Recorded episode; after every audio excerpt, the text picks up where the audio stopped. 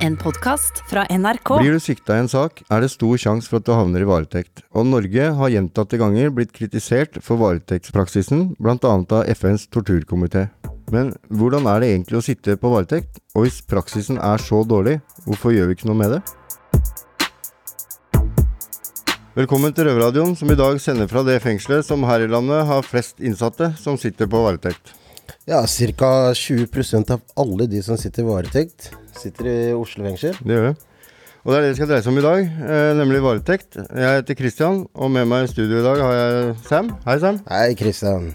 Vi tuller ofte med at det er veldig mange uskyldige som sitter i fengsel. Men selv om man sitter i varetekt, så betyr det ikke at man er dømt. Nei. Ja, For de fleste opplever jo at uh, selve varetektsfengslingen er en tøffere periode enn selve soninga. Mm. Og det er jo dessverre sånn at eh, 75% av de som tar livet sitt i norske fengsler, sitter i varetekt. Det er veldig mange, altså. Det er mange. Ja. Av ca. 3300 av de som eh, avsluttet eh, oppholdet, varetektoppholdet i 2017, hadde 11% av de vært i full isolasjon. Hva er full isolasjon? Ja, det er bra du spurte. Det vil si at eh, de har ikke noe andre kontakt med enn eh, fengselsansatte, politiet og forsvareren sin. Så det er derfor det er viktig at når de bruker den varetektinngrepet, at de bruker det på en riktig måte. Sant. Men eh, aller først setter vi over til gutta i Bergen fengsel. Ja, for hvordan føles det egentlig å sitte i varetekt?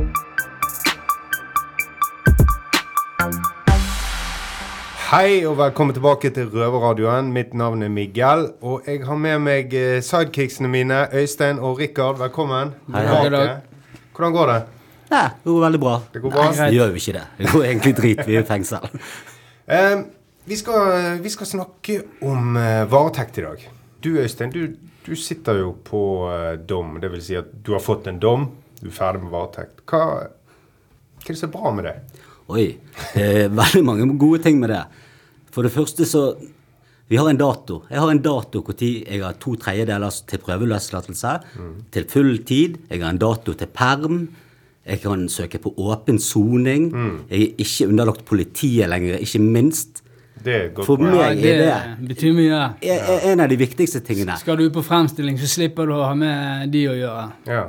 Fremstilling, hva, eh, hva er det? Eh, For eksempel eh, så mitt kne da, så slarker og går, og skal ut og ta, ta bilder av dette på Aleris for Ja. å se på kneet. Fremstillingen, det er eh, Da kan du gå ut av fengselet og gjøre spesielle oppgaver, eller tjene, du kan benytte tjenester ute, og så skal du tilbake. F.eks. hvis du skal på sykehus. Ja, Sammen, for- sammen med betjenter. Eller Nå er det sammen med betjent når jeg er på dom. Mm. Hvis ikke, så er det sammen med politi. Og det er grådig kjedelig å gå med håndjern gjennom Bergen Storsenter for jeg skal opp og alleres Ja. Med politiet. Ja, for det er, jo, det, det, det er jo en av de store forskjellene. Sant? Når man sitter i varetekt, så er det politiet som har ansvar for deg. Når du sitter på dom, så er det fengselet som har ansvar. Ja, da er det fengsel og kriminalomsorg. Ja, og de har jo altså, sånn, sånn som jeg tenker altså, Fengselet vet jo hvem du er, de kjenner deg. sant? De har, eh, de har en annen historikk på deg, og de, de, de vet jo at de, de vil ikke trenge denne sinnssyke sikkerheten som to eh, Eh, politimenn ville hatt, for de vet ikke hvem du er. Ja, det er veldig greit. Men noe av det beste må jo være det med at du har en dato. Du vet når du skal ut. Det absolutt beste det, det er at jeg kan si at jeg er ute om et år, Mm. tror jeg. Sant? Men det, det, det beste for meg det er, det er at jeg kan søke til åpen soning. Ja. Noe av det beste er at jeg har begynt med perm. For perm er utrolig viktig. Og det får ikke du i varetekt. Du kan være, du kan være uskyldig og sitte to år i varetekt uten en perm. Men jeg, jeg som har dom, kan gå ut på perm. For det, at det er en omstilling å komme ut igjen fra dette Ja, hølet. ja, ja. ja.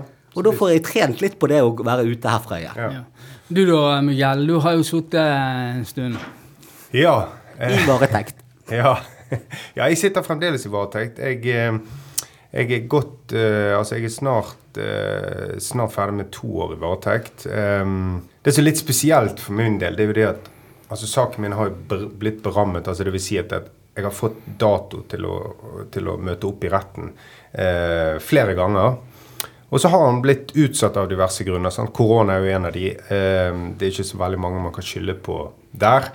Eh, men så har det også vært innimellom eh, litt rot fra både domstol, eh, aktor osv. Så, videre, så, så, så saken min skulle ha vært oppe for en god stund siden, men eh, så har han bare blitt utsatt. utsatt. Men er, er det lov i et lands, lands Norge at det er rot fra aktor? Ja, at ikke- du ikke får hovedforhandlingene? Er ikke det regler på hvor lenge man skal sitte i varetekt? Jo, altså, jeg, jeg leste et eller annet sted om at altså, Det står i loven at saken din, dvs. Si, du skal rettssaken din skal komme opp innen rimelig tid etter du har blitt arrestert. Og hva er rimelig tid? sant? Og de har lagt seg på en grense på ca. et år. Det skal helst ikke overskride så mye mer enn et år, men et år ser de også på som relativt lenge å vente til du skal i retten.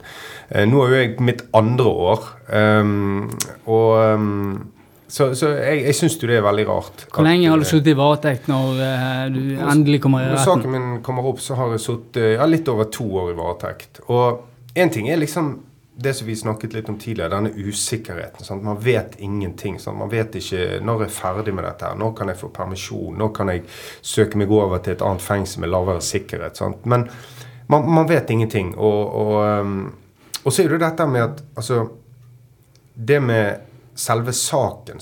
Hvordan vil Og det gjelder ikke bare for min del, men for alle partene i, i min sak del. Hvordan, hvordan kommer man til å huske ting to år tilbake i tid? Ja. Det er jo Alt- veldig Ja. godt spørsmål. Alt ifra forklaringer til, eh, til eh, altså ting folk, folk har sett osv. Og, og det er Jeg vil jo si det at det går jo utover rettssikkerheten til alle sammen. Altså Både fornærmet og tiltalt og alle. sant? Så til de grader. Jeg syns det er skremmende å se eh, altså hvor lenge man kan bli holdt i et sånt system. Sant? For sånn som vi også snakket om tidligere, Man er uskyldig til det motsatte er bevist. Sant? Mm. Men når man holder så lenge, så blir man på en måte forhåndsdømt. For da er de så skråsikre Ja, på ja, ja, at de kommer til å få dømt deg. Heldigvis de aller aller fleste slipper jo å sitte så lenge i varetekt før de får kommet seg eh, opp i retten. Men eh, jeg tror vi kan vel alle være enige om at det er jo desidert den tyngste perioden i fengsel. Det er Så absolutt. Sant? Varetekt er kjipt. Ja, det, det er kjipt. og greit. Yes. Nei, men eh, da eh, sier jeg takk for meg. Vi høres. Takk til eh, gutta i Bergen fengsel. Bergen, ja. Ja, nå skal vi videre i sendinga, Kristian. Det skal vi. Ja. Ja. Selv om jeg er en erfaren røver sjøl som har sittet i mye varetekt, så er jeg ingen ekspert på varetektsbruken i Norge. Eh, vi skal heldigvis få besøk av en av Norges mest kjente advokater, bortsett fra min egen selvfølgelig, Tor Bakke Vik.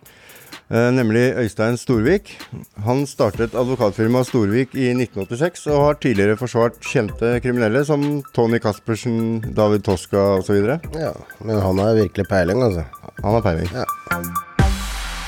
Velkommen hit i Røverstudio, advokat eh, Øystein Storvik. Takk. Velkommen skal du være. Vanligvis når vi får gjester, så spør vi om de har vært i fengselet før. Men med deg så er det kanskje ikke vits. For eh, du har jo vært advokat og dommerfullmektig siden midten av eh, 80-tallet. Ja, det stemmer. Jeg var her på besøk i fengselet for første gang for nøyaktig 35 år siden, og har vært der regelmessig siden. Så jeg har vært, eh, vært rundt i mange fengsler helt regelmessig i de årene som jeg holdt på som forsvarer. Eh, først, eh, kan du forklare for folk som ikke har vært i klammeri med loven, eh, hva varetekt egentlig er for noe? Ja, det er jo et inngrep som eh, kommer før det er bestemt om man er skyldig eller ikke, så det er jo et eh, foreløpig tvangsinngrep.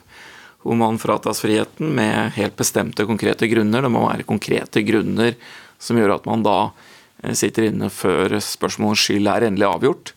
Og Derfor er det egentlig ganske strenge kriterier i loven for at man skal sitte i varetekt. Mm. Men for å bli varetektsfengsla, så må du i fengslingsmøte. Hva er det? Nei, det er jo der det Man skal jo framstille sitt etter bestemt antall timer som man fremstilles for en dommer. For at en dommer da skal vurdere om det inngrepet er riktig etter loven. Så det er jo en, en rettssikkerhetsordning da hvor man ikke kan sitte lenger enn det. Hva er de forskjellige grunnene til at man sitter i varetekt?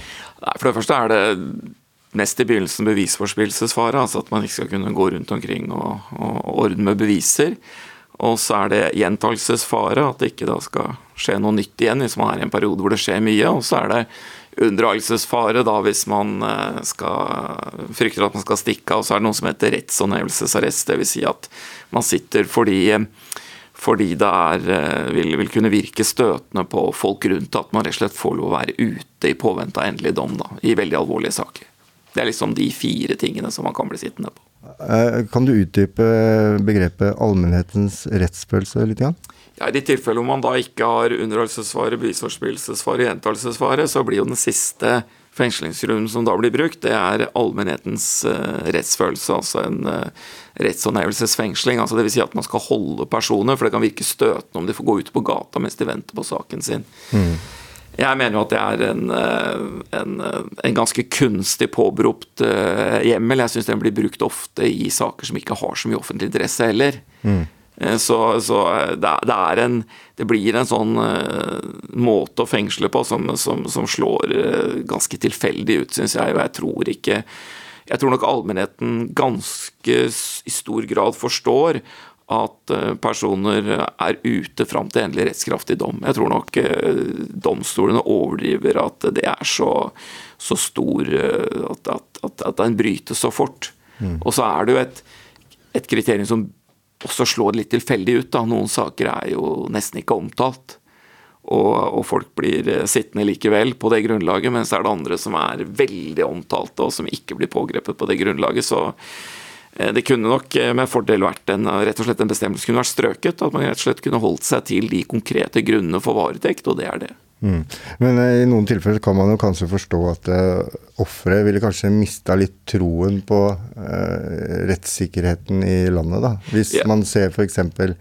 Uh, hvis, hvis broren din da har uh, blitt knivstukket f.eks., uh, og du ser gjerningsmannen i Oslos gater en måned etterpå, Eh, så ville jeg i hvert fall følt eh, at det kanskje man ikke får den samme tiltroen til rettssystemet. Ja, det er klart, men da forutsetter en konkret vurdering, altså en vurdering hvor det virkelig vil være et problem.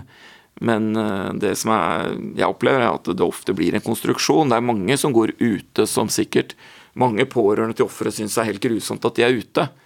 Og Det har jeg full forståelse for. Men når man skal bruke det som fengslingsgrunnlag, så kan det slå veldig tilfeldig ut. Fordi at uh, man kan tenke seg de alvorligste tilfellene, at man kan opprettholde et sånt grunnlag. I ekstremtilfellene er lett å skjønne eksempler hvor det ikke vil være praktisk mulig å ha personer gående ute i de helt ekstreme tilfellene, men det er, det er ganske få unntak, som man kunne, og da har man ofte også en, en, en hjemmel gjentagelse. Uh, vi, vi, har jo faktisk uh, en røver her i, i Røverradioen som tidligere har sittet veldig lenge i varetekt. og på bakgrunn av den kanskje litt rare allmennhetens rettsfølelse, da, eh, så skal vi snakke litt med han. Da kan jo du ta en kaffepause, Sam. Jeg har så mye kaffe som du drikker. Jeg håper det er mer igjen. Vi får se. Yes. Da ønsker jeg velkommen eh, tilbake, Denzel. Yes. Du var med i Røverradioen for omtrent ett år siden. Men uh, du er jo fortsatt i Oslo fengsel. Uh, men så valgte du å prioritere skolen. Trives ja. du på skolen? Ja, jeg trives på skolen. Ja. Uh, da du var her sist, så satt du i varetekt. nå sitter du på dom. når ble du arrestert? Cirka i 2017. Desember 2017. Vil, vil, du si noe om saken din? Nei. Jeg tenkte meg egentlig det. Uh, men vi kan være enige om at det er en alvorlig sak, kan vi si det? Ja. ja. Uh, hvor, hvor, lenge satt du i varetekt uh, før du fikk dom? Jeg tror Jeg vil si nesten tre år. Mm. Du, du, var ikke ute i mellomtida? Nei. Nei. Øystein, er det uvanlig å sitte så lenge i varetekt? Ja, i det som kalles kompliserte saker, som altså hvor det er en omfattende, komplisert etterforskning, så vil retten veldig ofte godta lang varetekt. Mm, Altfor lang etter min vurdering. da Man godtar det for lenge før man setter ned foten. Mm. Og det er liksom vanlig at man da sitter varetektsfengsla og, og, går bare rett på dom etterpå uten å være ute i mellomtida? Ja, det er vanlig i det som kalles alvorligere saker, så er det blitt veldig vanlig etter hvert. Okay. Hva, er, hva, er, det lengste du veit om som advokat? Eh, som har, hva er det lengste noen har sittet i varetektsfengsel? Nei, det er, jo i, det er jo noen som har sittet lenger enn det du har. Men det er, i, det er, ofte da yttergrensen begynner å nærme seg. og Da vil jo det være veldig stort press på domstolen for å få saken opp. Mm. Så det er ofte det, det, som er den ytre grensen i praksis. Men det er ikke noe, er ikke noe grense i loven. Det er når påtalemyndigheten tar ut tiltale hvor fristene begynner å løpe. sånn at hvis eh, påtalemyndigheten bruker veldig lang tid på å få saken opp, så er det egentlig ingen absolutt frist. Det må det være rettene som setter ned foten og sier at ja, hvis ikke saken har kommet opp innen den datoen, så løslater vi. Og da blir det ofte fortgang. Mm. Men eh, Denzel, når du sitter så lenge i varetekt, så må du ha vært på jævlig mange fengslingsmøter, da? Ja, det har jeg. Jeg har uh, egentlig følt at uh, selv om uh, advokaten har bra argument, så er det lettere for politiet å liksom få det som de vil, da. Ja. Mm. Eh, hvordan opplevde du perioden du satt i varetekt?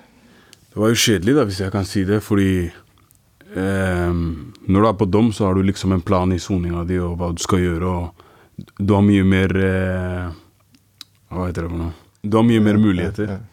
Eh, mens når du er i varetekt, så har du ikke så mye muligheter. og Det er jo en belastning for familien også å ikke vite når du kommer. Mm. Ja, Det er kanskje vanskelig å planlegge noe med skole og sånn som du er på nå, da. Ja. Ja. Eh, hva er det verste, syns du, med at du satt varetektsfengsla? Det verste er å ikke fortelle familien når du kan eh, komme tilbake. Eh, da du først fikk dommen da, etter så lang tid i varetekt, eh, hva følte du da? Ja, det var eh, egentlig en eh, lettelse, altså. Det var det? Ja. Ja. Eh, Denzel, eh, på bakgrunn av eh, grunnlaget for varetektsfengslinga di, altså allmennhetens rettfølelse, kan, kan du forstå at samfunnet ute opplever det som kanskje nødvendig å ha, da? På, ja. Ja, jeg kan forstå at noen Ja. Men eh, jeg er ikke enig i at politiet skulle bruke den paragrafen, da, hvis du skjønner. Jeg syns det var unødvendig. Mm. Litt lenge, kanskje. Um, ok, Um, da må jeg bare si tusen takk for at du kom, eh, Denzel. Yes, takk for Veldig meg. hyggelig. Yes. Innsatte i norske fengsler lager radio. Du hører Røverradioen i NRK P2. Ja, da har vi eh, Sam tilbake i studio. Hei, Sam. Hallo. Var kaffen god? det var ikke så veldig mye, da, men det er greit. Ja. Jeg syns Denzel eh, sin sak, da syns jeg liksom Tre år er lenge. Eh, jeg vil ikke si at Jeg tror ikke det ville krenka noen om han kom ut etter et år, liksom. Jeg kjenner jo tilfeldigvis litt til akkurat til den saken, og der syns jeg nok at det ble litt konstruert at allmennheten hadde noe sånn oppfatning av det i det hele tatt. Du har jo sikkert veldig mye erfaring når det kommer til klientene dine som sitter i varetekt. Er det mange som tar det tungt? Ja, mange tar det veldig tungt, og det er den tyngste perioden i hele forløpet. Man kunne tro at når man får en streng dom, så er det enda verre, for da får man på en måte en, et, ofte et slag, slag i ansiktet og veldig mange år til man kommer ut. Men det takler klientene ofte veldig mye bedre. Det er, altså Varetekten tar de veldig tungt. Og ja, veldig mange alvorlige tilfeller av personer som har tatt det altfor tungt. Hvor lenge kan man egentlig sitte i varetekt? Nei, Det er egentlig svakhet i norsk lovgivning at det er ingen yttergrense. Det er en forholdsmessighetsvurdering til slutt. Og det er ingen, det er ingen absolutte tidsfrister da, men i mange, mange, andre land som vi sammenligner oss med, har man absolutte tidsfrister, og det burde man kanskje hatt. Mm. Er det noen økning på folk som sitter i varetekt nå enn før? Altså Det blir litt sånn øh, Jeg syns kanskje at det ble brukt mer før, egentlig, på gjentagelsesfare og mindre alvorlige forhold. Jeg føler vel at terskelen har blitt noe høyere for, for, for å begjære fengsling, men at det blir, øh, men i alvorlige saker så brukes det akkurat like mye som før. Det er ikke alle som er øh, fornøyd med varetektsfengslinga si, så nå skal vi høre fra noen røvere i, i Halden. Uh, Martin, Hassan og Shabi. Ja, hva skjer gutta? Går det bra? Ja da. Ja, livet er herlig. Ja, det er ikke så herlig. Vi sitter inne. ok, ja, det er greit.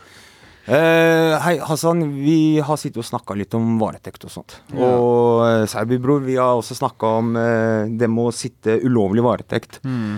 Og du fortalte noe i stad til meg om at du hadde sittet ulovlig varetekt, Ja, ikke ja, fire timer. Ja. Det som var greia, da, var at jeg ble fe- varetektsfengsla i en uke Mm. for en, en sak. Og så den dagen jeg skal bli løslatt, så ble jeg ikke løslatt. Så jeg ble der ut dagen. Og så fikk jeg, hva heter det Ble jeg pågrepet på nytt da, mens jeg var i varetekt. Ja. Og det stemmer ikke. Det er, det er på en måte ulovlig, da. Fordi liksom vedtaket har gått ut, og de har ikke gitt meg noe nytt vedtak. Ja. Den måten det skulle skjedd på, da var at jeg skulle bli løslatt, og så kunne de pågripe meg på nytt. Og så kunne de eh, framstilt meg for nytt varetektsmøte, da. Ja. Men det de heller gjorde i stedet, var bare lot meg være i cella uten at jeg visste at jeg var løslatt i fire timer, og så Men de sa ikke hvorfor eller noen ting, ikke sant? Nei, de mente det var en feil, liksom. Fordi det var to forskjellige politidistrikter som Den ene var Manglerud, og den andre var Oslo, da. Ja. Så hadde bare Oslo kommet og tatt over på den andre saken. Ja, og det, det er jo ikke sånn det skal være, Hassan, i det hele tatt. Nei, eh, du, det, det, du skal ha en vedtak på deg. Fordi at de, det tidspunktet La oss si at det står en tidspunkt på at det, du har varetekt til klokka fire. Så skal du slippes ut klokka fire. Hvis ikke de har en ny vedtak på deg. Mm. Men, så jeg ble eh, pågrepet imens jeg var i cella mi uten at jeg visste noe. Mm. Så ble jeg pågrepet. Bare på papiret, da. Det som er, er at eh, det er jo veldig Jeg er jo en gammel røver. Ja. så, så jeg har jo sittet litt i 90-tallet og vært med hele utviklinga fra 90-tallet i kriminalomsorgen. Så øh, før i tida så var det mye eh, Var det mye slappere. Eh, varetektstidene var mye lengre. Eh, du kunne sitte eksempel, jeg satt åtte måneder i forbud eh, i en enkel sak. Ja, og eh, f eh, Du sier forbud. Hva er forbud for noe? Eh, forbud, det var i 90-tallet. Det vil tilsvare i dag noe som kalles FIS. Er eh, fullstendig isolasjon. Og i dag så er det helt andre retningslinjer, da. Hvis du skal sette noen i fullstendig isolasjon, så må du øh, være to uker av gangen. Og så må du ha legetilsyn og masse greier, da. Men i 90-tallet så bare var det ikke noen regler på det. Så derfor så fikk Norge veldig mye påpakning fra Amnesty til å redusere eh, varetektstida, for folk satt uten lov og dom, da, på en måte, i mange år av gangen, og det var ekstra belastning. Konklusjonen min er at det har blitt mye bedre fra 90-tallet, men det er ikke godt nok. Ja, det var røverne Martin Hassan Shabbi fra Halden. Eh, Øystein, hva tenker du om det vi hørte nå? For folk der ute tenker sikkert nå at eh, fire timer, det er jo ikke mye. Men dette handler jo mer om prinsipp, og at eh, ja, politiet må følge norsk lov kanskje bedre enn det andre folk gjør, da. Ja, nei, Jeg er helt enig i at uh, det er ille så lenge det bare fire timer. Altså, nå er det, no- når vi har lært det yrket her, så er det respekt for folks frihet. Og det er klart at det, selv om det ikke høres mye ut, så er jo det et, et, eh, en ting som ikke skal skje. Eh, Her inne så er det jo en vanlig påstand å si at politiet bruker varetektsfengsel for å bryte ned folk da, og, og tilstå og tyste på andre. Hva tenker du om det? Nei, det er klart at det, det gjøres i, i ganske stor grad. Altså, det, det gjør Altså det, det, det, det blir en F.eks. fort en dealing om man eh, får lov å få imot besøk. Ikke sånn direkte, men alle skjønner at hvis man holdt på å si, bidrar til å oppklare saken, så får man lettere ordna et besøk, f.eks. Det, det er den måten det skjer på. Og det skjer hele tiden, og det har skjedd i alle år. Altså Det blir en sånn ikke uttalt eh, bruk av varetekten som, eh, som er uheldig. Mm. Man, ja, man blir jo litt mørna, kan man si. Ja, man blir Jeg har jo hatt eh, Jeg hadde et veldig kjent tilfelle hvor en satt helt uskyldig for et drap. En eh, sak det er skrevet en bok om seinere. Som satt faktisk seks måneder helt isolert i Kongsvinger fengsel, og han var jo Han, eh, han ønska til slutt å tilstå et drap han ikke hadde gjort, nettopp fordi han uh, mista helt eh, oversikten i eh, isolasjon. Så det er, man blir mørna. Det er en veldig farlig prosess, selv om man sitter isolert. Det er en lovlig form for tortur, vil jeg si. Ja, altså det er en eh, du, du arresteres i en veldig dramatisk situasjon i livet ditt. Alle som blir arrestert i alvorlige saker, er jo et voldsomt livsdrama. Og så plutselig blir det helt stille, og man har bare veggene rundt seg. Så det er klart det er en, eh, det er en torturlignende situasjon eh, hvor man akkurat trenger å snakke med noen, så blir man sittende helt aleine. Jeg tror det er det rette uttrykket på det. Da begynner vi å nærme oss slutten av intervjuet. Eh, er det noe du vil legge til, eller som man sier i retten, har noen avsluttende bemerkninger eller noen prosedyrer? Nei, altså når dere tar opp det temaet, så, så er det som sagt, som det har kommet fra min oppfatning, at man bruker eh, varetekt for, for mye i Norge. Altså at man er ikke nøye nok med å eh, virkelig vurdere behovet, og at dommerne blir veldig mye blenda av alvorlige siktelser og tiltaler. Altså er saken veldig alvorlig, veldig spektakulær, så, så forsvinner mye av den kritiske sansen. Så jeg kunne ønske mer kritisk fokus på de ganske strenge kriteriene som loven har, og ikke bare at retten blir på en måte blenda at det er en som bør sitte mer sånn intuitivt, men at det faktisk går konkret på vilkårene, og at de blir prøvd samvittighetsfullt. Hmm. Da sier vi tusen hjertelig takk for besøket, advokat Øystein Storvik. Ja, takk. Bare hyggelig å komme hit. Velkommen tilbake seinere. Nå har vi hørt fra den ene siden, så nå er det på tide å sette over til de som faktisk står bak all denne varetektsbruken. Takk for det, gutta. Jeg heter David, og jeg eh, er nå i Røverradioens studio på Storo i Oslo. Det er ikke alltid så lett for de på innsiden, altså de som sitter i fengsel, å um, undersøke ting på utsiden. Derfor har vi på utsiden fått i oppgave å undersøke da med domstolen hva de har å si. Jeg heter Ina Strømstad og er tingrettsdommer i Oslo tingrett. Jeg kjenner meg ikke igjen i den beskrivelsen at domstolen blir blendet av alvorlige siktelser. Og la meg understreke det at når vi gjør en vurdering av varetektsfengsling, så er det en oppgave vi går til med stor grad av ydmykhet. Eh, vi vet at dette er helt avgjørende eh, beslutninger for folks liv. Eh, vi setter i så fall folk i varetekt som fortsatt ikke er, er dømt, og det er en oppgave vi går til med respekt. Det vi skal vurdere, det er jo forankret i loven. Det er, det er jo ikke sånn at jeg kan kan finne på vilkårene for å putte en person i varetekt. Det står i loven hvilke kriterier som må være oppfylt. Og de kriteriene må jeg da holde opp mot de dokumentene jeg har fått, de opplysningene jeg ellers får, siktedes forklaring eh, i, i, retten. Og så til slutt så må jeg begrunne dette skriftlig. At skjellig grunn til mistanke er oppfylt fordi Og så må jeg knytte det til de og de og de bevisene i dokumentene. Sånn at det er ikke noe tilfeldig over det. Og det gjør heller at eh, liksom å bruke ordet at jeg blir blendet av, eh, av sakens alvor, det, det, blir for meg litt eh, nokså søkt, da. Det kan jo virke som eh, holdt på å si, vi er for lite kritiske, at vi har et ønske om, eh, et behov for å fengsle når det ikke er grunnlag for det. Og det premisset er jeg i så fall veldig uenig i. Vi går med, med en ydmykhet til den rollen å vite at vi fengsler noen som faktisk ikke er dømt. Og at vi kan ta feil. Og det å ta feil eh, med det resultatet at noen blir uriktig fengslet eller noen blir uriktig dømt, det, det er noe av det verste vi gjør. Eh, så derfor eh, er jeg, ikke, er jeg ikke enig i det premisset som på en måte ligger litt under her. da. Vi går samvittighetsfullt gjennom dokumentene, og av og til så kan det være eh, veldig vanskelig.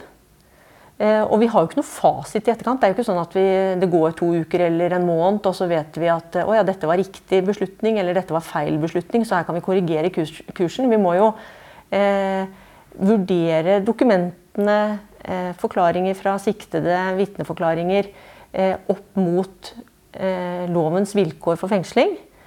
Og så gjøre det beste vi kan. Så da har vi fått høre hva tingrettsdommer Ina Strømstad tenker om kritikken fra advokat Storvik. Vi har også forsøkt å få politiet til å kommentere dette, uten hell. Ja, dette er David. Da sender jeg mikken tilbake til gutta i Oslo fengsel.